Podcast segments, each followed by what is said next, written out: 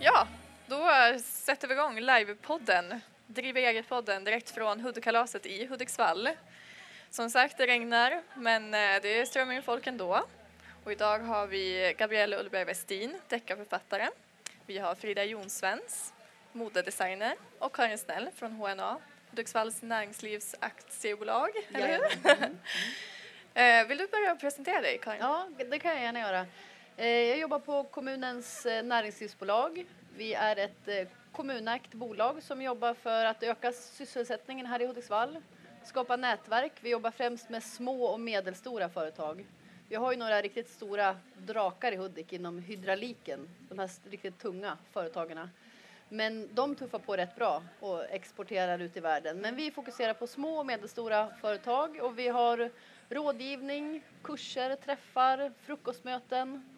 Kämpar för att få Hudiksvall att växa. Härligt. Mm. Eh, och mitt namn är Maja Sundlöv. Ni som lyssnar på podden regelbundet vet, eh, känner igen min röst i alla fall. Nu får ni se mig också. eh, jobbar på Björn Lundén Information som hjälper företagarna med det administrativa i form av bokföringsprogram, bokföringsapp och så vidare. Gabriella, din tur att presentera dig.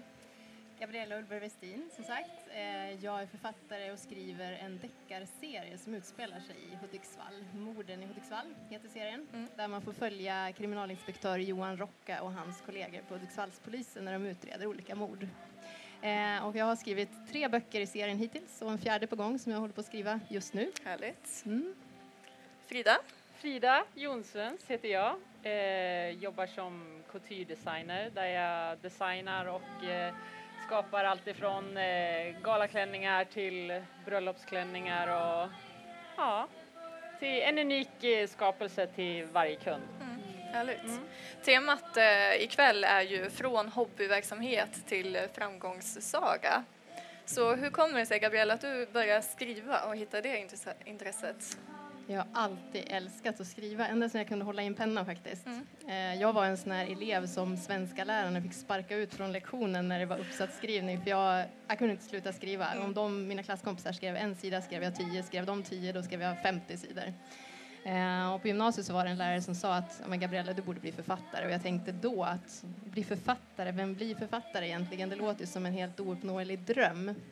Eh, och, men han sådde faktiskt ett frö där. När jag var mammaledig för andra gången för fyra år sedan så tänkte jag att jag ska ta tag i den här drömmen att jag ville skriva deckare var ganska självklart för jag har mm. läst jättemycket krim och deckare själv mm. uh, och det var liksom den genren jag kände att jag ville skriva. Uh, så när jag var mammaledig så tog jag tag i den här drömmen. Jag läste allt jag kom över om hur man skapar en historia från början till slut, okay. mittpunkter, vändpunkter och så vidare. Hur man uh, skapar karaktärer, skildrar miljöer och skriver dialog. Eh, men jag kom inte riktigt igång. Eh, under den här tiden, det här var december 2012, så skulle jag och familjen åka på en semesterresa till Kanarieöarna. Vi skulle vara där i fem veckor. min man han är polis, van att se saker som avviker från det normala kan man säga. Eh, alltså på flighten från Arlanda ner till Kanarieöarna så såg han att Marie Ljungstedt satt på flighten. Jag såg inte det. Eh, och eh, när vi kom ner på Kanarieöarna så var vi där då i fem veckor och en av de sista dagarna så eh, fick han för sig att vi skulle åka till Arginegin och jag förstod liksom inte riktigt varför. Eh, och när vi kom dit så sa han till mig att sätt dig nu på det här torget vid den här bänken för jag och barnen har glömt en grej i bilen som vi ska gå och hämta. Och medan jag satt där och väntade så ser jag en mörkhårig kvinna komma gående över det här torget. Hon kommer fram till mig och så ser jag att det är Marie Ljungstedt. Jag fattar absolut ah. ingenting. Då hade han liksom sett då att hon var här nere. Han läste en artikel om henne i en tidning som gavs ut där också. Att hon sitter på Gran Canaria och skriver sina fantastiska deckare. Mm -hmm. Och så hade han liksom styrt upp med en liten överraskningsträff där. Nej, vad kul! Ja, så hon, hon eh, frågade mig då om jag ville följa med på hennes takterrass och, eh, och få lite författartips och det ville jag. Hon gav mig massor med bra tips, men framförallt ett tips och det var just att utgå från en stark minnesbild. Istället för att fundera så mycket på det här början och slutet och allt som jag hade läst om och karaktärer och mittpunkter och vändpunkter och sånt så sa hon att utgå från en stark minnesbild och så börjar du skriva. Och när vi kom hem eh, från Kanarieöarna så var det jul, det var december och jag och barnen satt hemma i soffan i Nacka där vi bor mm. och väntade på att Erik, min man, då skulle komma hem som eh, tomte och knacka på dörren och överraska barnen.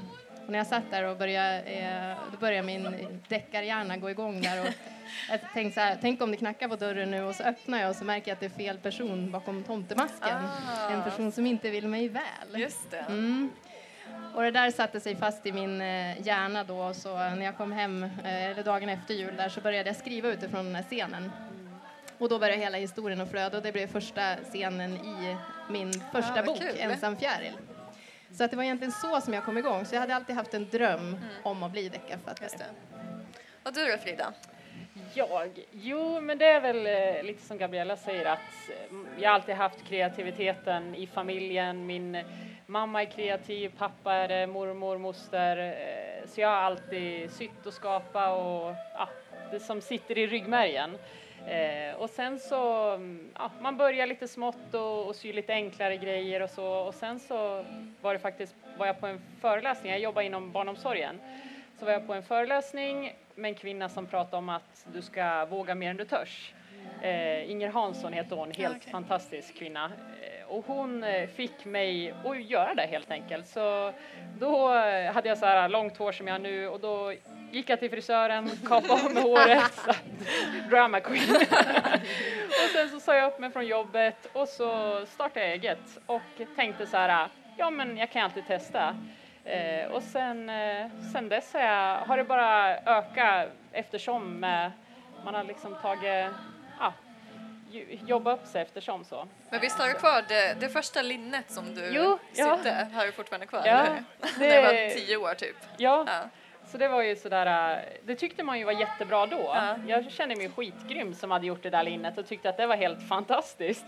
Men eh, nu inser man ju hur eh, när du, när du gör någonting och tränar på någonting så, så blir man ju bättre eftersom. Eh, och nu så gjorde jag liksom senast en galaklänning till Nobel till Annie Lööf. Eh, Så det är ju härligt med kontrasterna. Så. Häftigt. Ja, Ja. Så, ja, så det var väl lite så det började och sen så ja, har alltid brunnit för att skapa och designa och så tänkte jag att ja men why not och testa och, och jobba med det. Så ja, Men när du säger och så startar jag eget Ja. och då så jobbar Det- jag på näringslivskontoret och har också varit egenföretagare i 15 år. mm. Det, där, det, det låter ju så enkelt för den som inte har vågat sagt upp sig och starta eget. Har du, har du företagare i din familj eller? Nej, eller alltså min mormor och morfar, de är, eh, har drivit bondgård hela Ja. sitt liv. Så de är ju egenföretagare så. Ja, Eh, men, men inte något annars. Eller min pappa har blivit nu när han har blivit pensionär. Ja. eh, Har han startat eget. en driftig släkt. ja, Ja. lite så. Men börjar du i enskild firma? Ja, eller? enskild firma. Ja. Så, och det, ja, men det, det låter ju, men jag är väldigt så här orädd av mig. Mm. Så, så jag ser eh, ofta det positiva i saker Mm. och, och testar. Och sen kan det bli fel, men så jag har som en filosofi att vad är det värsta som kan hända? Den är bra. Och, ja, Mm. och så kör jag. Ja, Ja, spännande. men, men det är ju en procedur. Det är inte Ja. så att det bara kommer av sig själv, utan man måste ju ha mycket vilja och tålamod. Och, Mm. Men har du gått starta eget-kurser? Jo, Har, ja. precis. Ja. Ja. Så jag började med det och läste lite starta eget-kurser och ja, så man fick någon typ av bild Ja, av just det. Och det ja, där men- med moms och Ja. debit och kredit och allt det där. Jag pratade med lite om, med Maja innan. Det är och- sånt vi, Ja. vi lär Ja. Ja. Ja, för det är ju inte, ofta är det ju så, om man har den här kreativa Exakt. ådran så är man inte sådär, gillar det där Nej. det är så jättemycket. Men jag jobbar på det. Men man kan ju ta hjälp då Mm. av sådana som Björn Ja, Lundin. precis. precis. Ja. Men eh, Gabriella, hur är det att, att jobba som författare? Jag tänker på alltså, företagsmässigt. Startar man upp ett företag och säljer man sina böcker själv eller hur, hur funkar det? Ja, det där beror ju lite på. Jag har ju faktiskt testat på två olika alternativ. Från början så, den allra första boken som jag gav ut, den första delen i Morden i Hudiksvall, den gav jag ut på ett hybridförlag som är ett förlag där man själv som författare är med och investerar. Och då var det en förutsättning att jag skulle ha en enskild firma för att kunna fakturera och ta emot Ja, fakturer och det. Då var det enklast att ha en enskild firma. Mm. Så då startade jag det. Eh, och eh, då när jag gav ut på det hybridförlaget, då fick jag också eh, sköta mycket av marknadsföringen och försäljningen Ja, på okej. egen hand.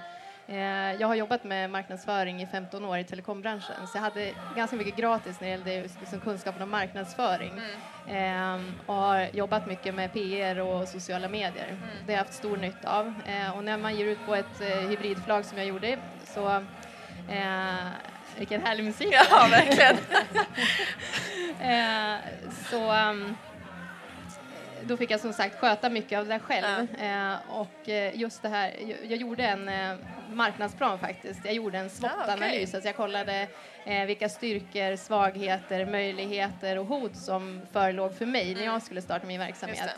Och kollade på konkurrenter och vad, vad har de för styrkor och svagheter och så. Mm. Eh, och försökte hitta en unik grej som för att, att kunna sticka ut i ja, den här det. fantastiska mängden av, av deckarförfattare. Ja, för just deckarbranschen måste ju ändå vara ganska så tuff att ta in. Ja, men en ganska mättad ja, bransch skulle jag säga eh, i Sverige. Så då, då tänkte jag, vad, vad, ska jag göra för att sticka ut? Vad ska jag göra för att vara unik och, och synas? För att jag förstod att det skulle behövas i den här konkurrensutsatta branschen. Mm.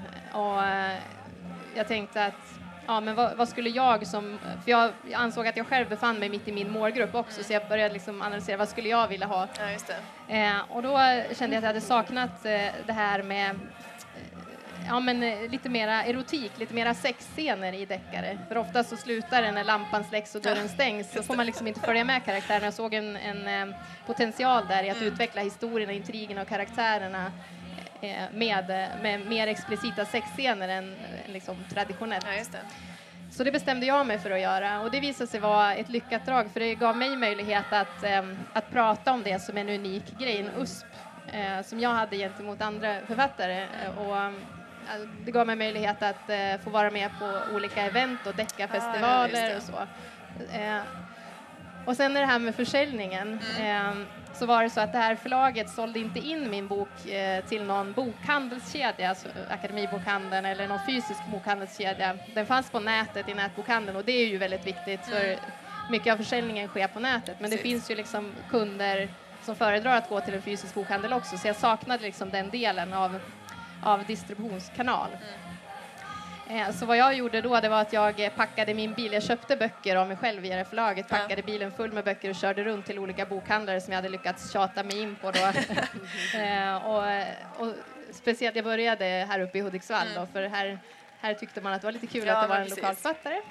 Eh, och så sålde jag väldigt bra på de här signeringarna. Då spred sig det ryktet och jag hade bra referenser att visa upp sen när jag kom till andra bokhandlare och, och, nere i Stockholm och sådär. Mm. Eh, så att jag kämpade på där under ett halvår och sålde rätt så bra med böcker. Och jag hade redan när jag satte igång hade satt ett, mål att jag vill bli utgiven på ett stort förlag. Mm. Men det är ju ganska svårt att bli det. Mm. Så jag började med det här lilla förlaget då jag fick sköta mycket av försäljningen och eh, marknadsföringen på egen hand. Men sen eh, så fick ett av världens största bokförlag som heter HarperCollins upp ögonen för mig för de skulle etablera sig i Norden. Mm. Så de hörde av sig till mig och undrade om jag, eh, om de hade läst min första bok, undrade mm. om jag ville skriva tre böcker för dem ah, okay. som skulle ges ut i Norden först och främst. Och då blev det en liten annan, eh, en annan historia. Fortfarande gör jag mycket av marknadsföringen på egen hand men försäljningen är, är liksom en helt annan grej med ett mm. stort förlag i ryggen. Så då är det kanske inte lika mycket av det här företagandet som det var från början. Ja, just det. Eh, men eh, jag har haft väldigt stor nytta av liksom, att jag har byggt upp mitt eget författarskap mm. på egen hand och gått liksom, den tuffa vägen. Det har jag mycket nytta av fortfarande. Eh, men sen när det kommer till bokföring mm. och så. Känner igen det där som du sa Frida, men man har liksom här kanske... Nej men och då väl, har jag fokuserat ganska tidigt på och eh, ja, men skicka ut mejl till stylister och eh, som jobbar med tv-produktioner och ja, olika kända profiler eh, och försöka kontakta eh, rätt typ av profiler. För man vill ju inte bara, bara för att man är känd och bär en klänning så behöver ju inte det betyda att det är positiv reklam. Nej. Utan att eh, jag brukar försöka ha någon slags röd tråd kring personen man jobbar med.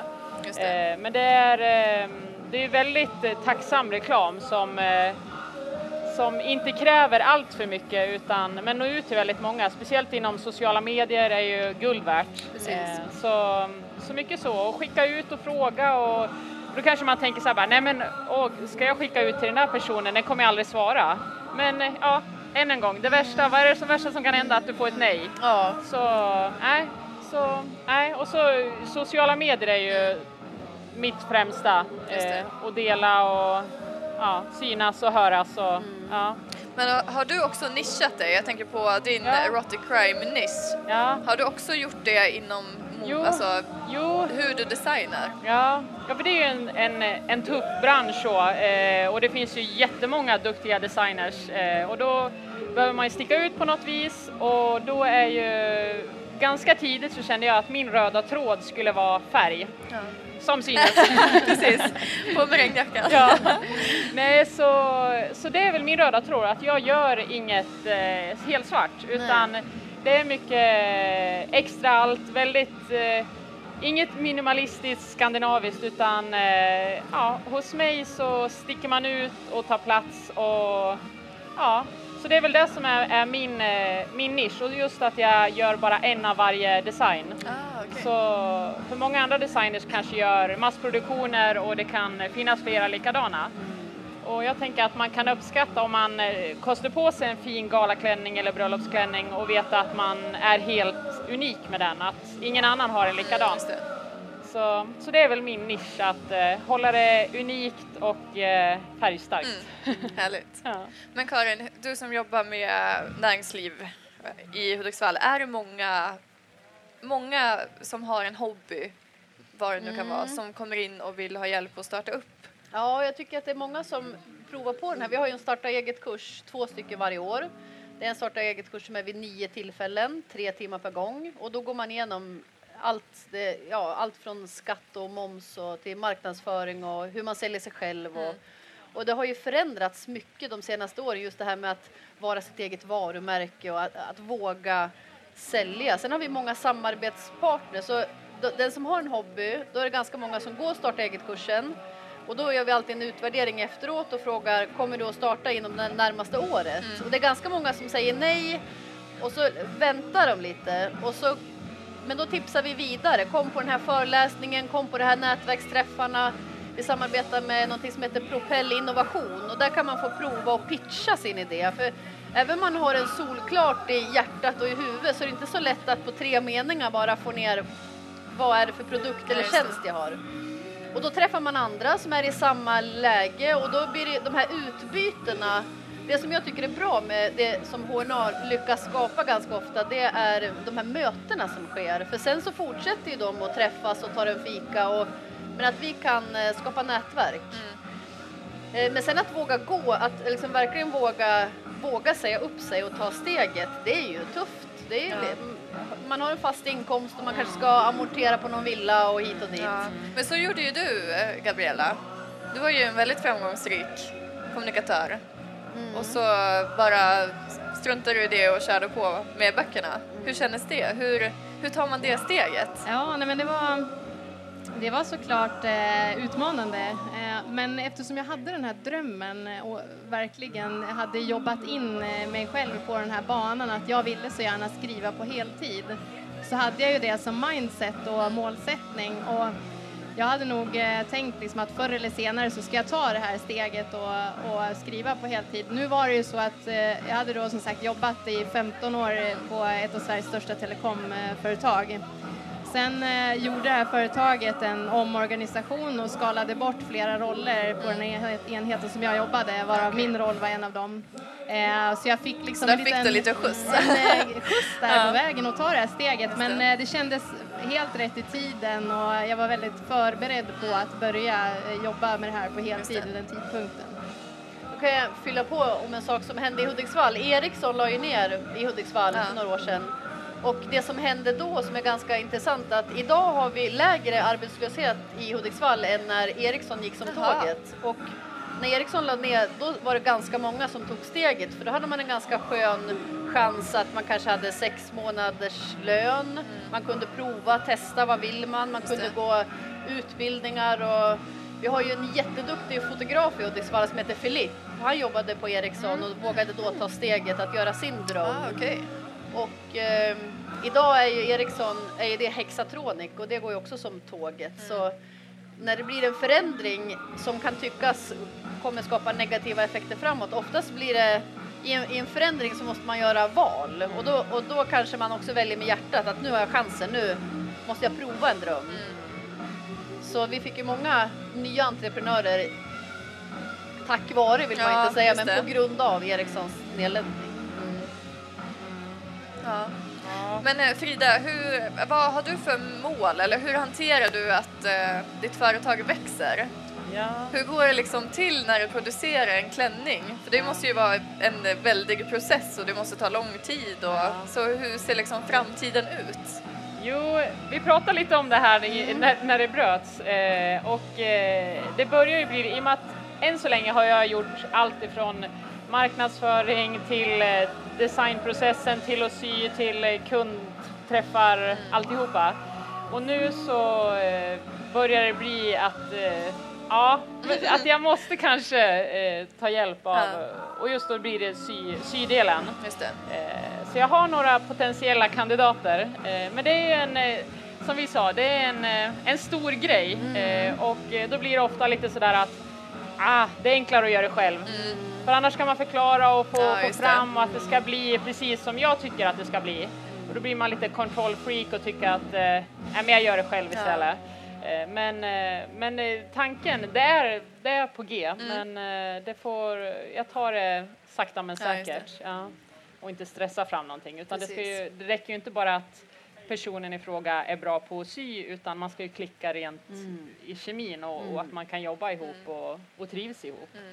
Ja, tycker det jag är ju ett stort steg att anställa Jo. sin första Ja, såklart. verkligen. Så, så man får ta det sakta men säkert. Ett lyxproblem ändå. För jo, då går det ju verkligen. himla bra. Ja, ja, det är väldigt positivt. Mm. Så ja, nej.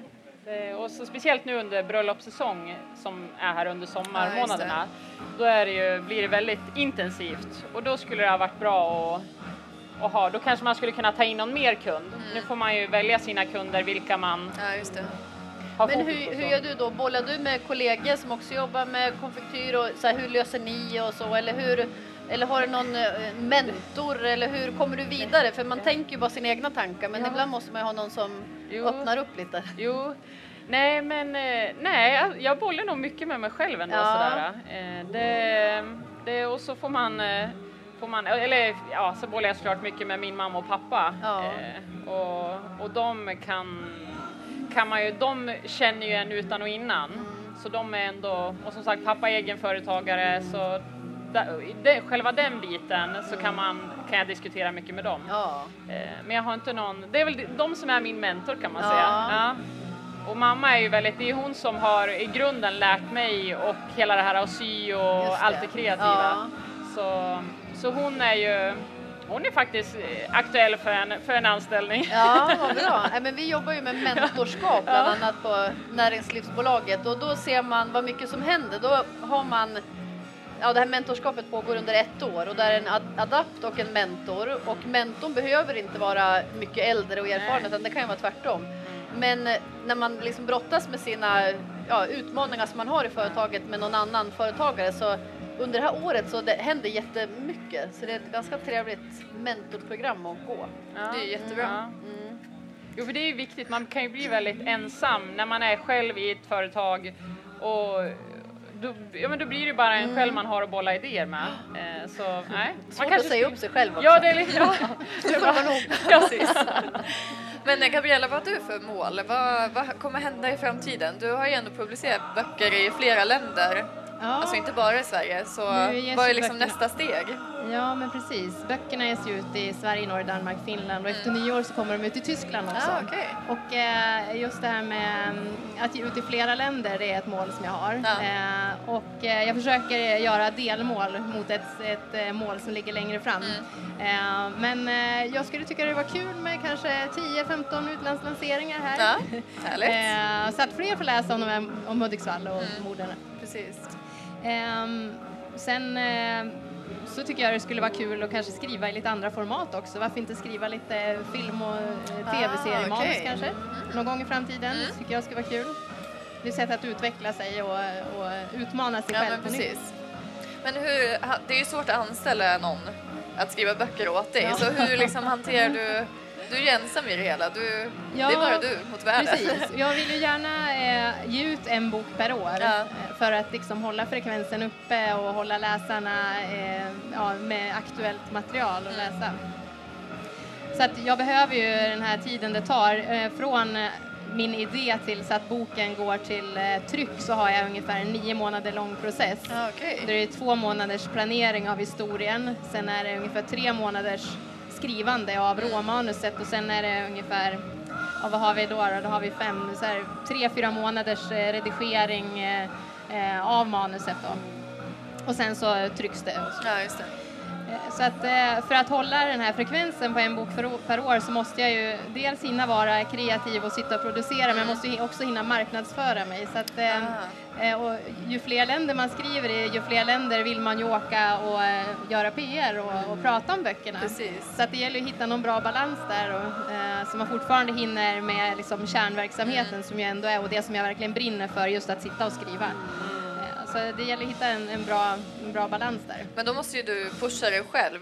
Det är ingen eh, Ja, chef som kan jag stå ga- där jo, men jag har en och... jättehård chef ja. Den hårda, ja, ganska snäll ibland också. Ja, precis, den hårdaste Det chefen. brukar vara så. Ja, eller hur? Men en sak som jag har tänkt på med när Stig Larsson-böckerna kommer. Idag kan man ju gå vandringar i Stockholm i de kvarteren och du skildrar ju verkligen Hudiksvall och skriver gatunamn och man kan känna hur det luktar på vintern där i de här gränderna i Fiskarstan. Har du tänkt, är det någon efterfrågan på att få göra sådana vandringar? För det är ju väldigt populärt. De har faktiskt haft en, eh, Jaha. en vandring. Eh, Visit, eh, Visit Hudik, Visit Just Glada Hudik. ja. Eh, de hade det även efter den första boken. Ja. Eh, så att, eh, jag hoppas att det blir fler sådana Ja. framöver. Det vore ja. kul. Det vore kul. Ja. Så står Rocka där bakom ett hörn. Precis, bakom ett liksom. hörn. Hej. Tja. Ja, vad kul. Men eh, om ni, eh, om vi börjar med dig Frida. Ja. Eh, har du tre tips och råd till de som funderar på att starta företag eller har startat företag? Om, om vi säger, ja men har du stött på några utmaningar som du har lärt dig av eller misstag på vägen? Ja, jo men det är såklart. Det är, sånt, sånt dyker upp var och varannan dag. Eh, men eh, jag brukar säga att den viktigaste grejen det är nog nästan att ha tålamod. Eh, det har man verkligen fått jobba, jobba på. Eh, och ja, ha, ha tålamod för att inget kommer av sig själv utan du måste kämpa för det, du måste brinna för det. För eh, du måste, det blir ju jobb i princip dygnet runt så det är en fördel om man tycker det är roligt. Eh, annars är det inte kanske riktigt värt det. Så att man verkligen brinner för det, har tålamodet och, eh, och kämpa på när det, när det går dåligt. Och så känner man, för så känner ju jag också så här att nej men gud vad håller jag på med? Det här, eh, nu, nej nu lägger vi ner. Men då måste man ha, ha psyket och, eh, och köra på. Eh, och, och försöka tänka, tänka positivt. Eh, och lite den här värsta scenariot-principen. att eh, testa, kasta det ut. Ja, du, om du inte dör, nej, kör. Alltså, lite så. Som att sända en livepodd i helgregn. Ja, det, Ja, jag menar det. det, det ja, nej. Så det, det tror jag på mycket. Så, som sagt, att vara orädd. Ja. Eh, ja, för det är ändå någonstans här i livet, nu blir vi djup, men eh, att eh, det, ja, jag vet inte, jag tycker man ska prova på och testa medan man kan. Ja, ja, skulle jag säga. Ja, Ja. mycket bra. Ja. Gabriella, du då? Har du några tips och Jag råd? håller med om det här med att eh, göra det man verkligen drömmer om eftersom man ska leva med det här företaget eller varumärket dygnet runt när man är egenföretagare. Men sen, det som jag har dragit lärdom av det är att eh, sätta mål är viktigt och sen eh, om man stöter på hinder för att nå de här målen som jag gjorde att boken inte fanns i bokhandeln till exempel då försökte jag hitta nya sätt att kringå de här hindren istället för att ändra målet. Eh, så försökte jag hitta nya sätt att, att ta mig runt hindren. Typ.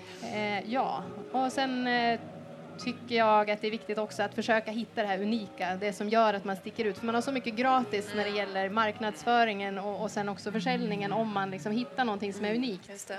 Eh, så det skulle jag också ha som ett, ett bra tips. Mm. Jättebra. Jag eh, är nöjd så här faktiskt. Jag hoppas ni också är det. Ja. Trots eh, spöregn. Ja. Det är bara hem och föna håret och sen tillbaka igen. eh, tack så hemskt mycket för att ni ville medverka i vår livepodd. Tack Tack att vi Det var jättekul att vara med.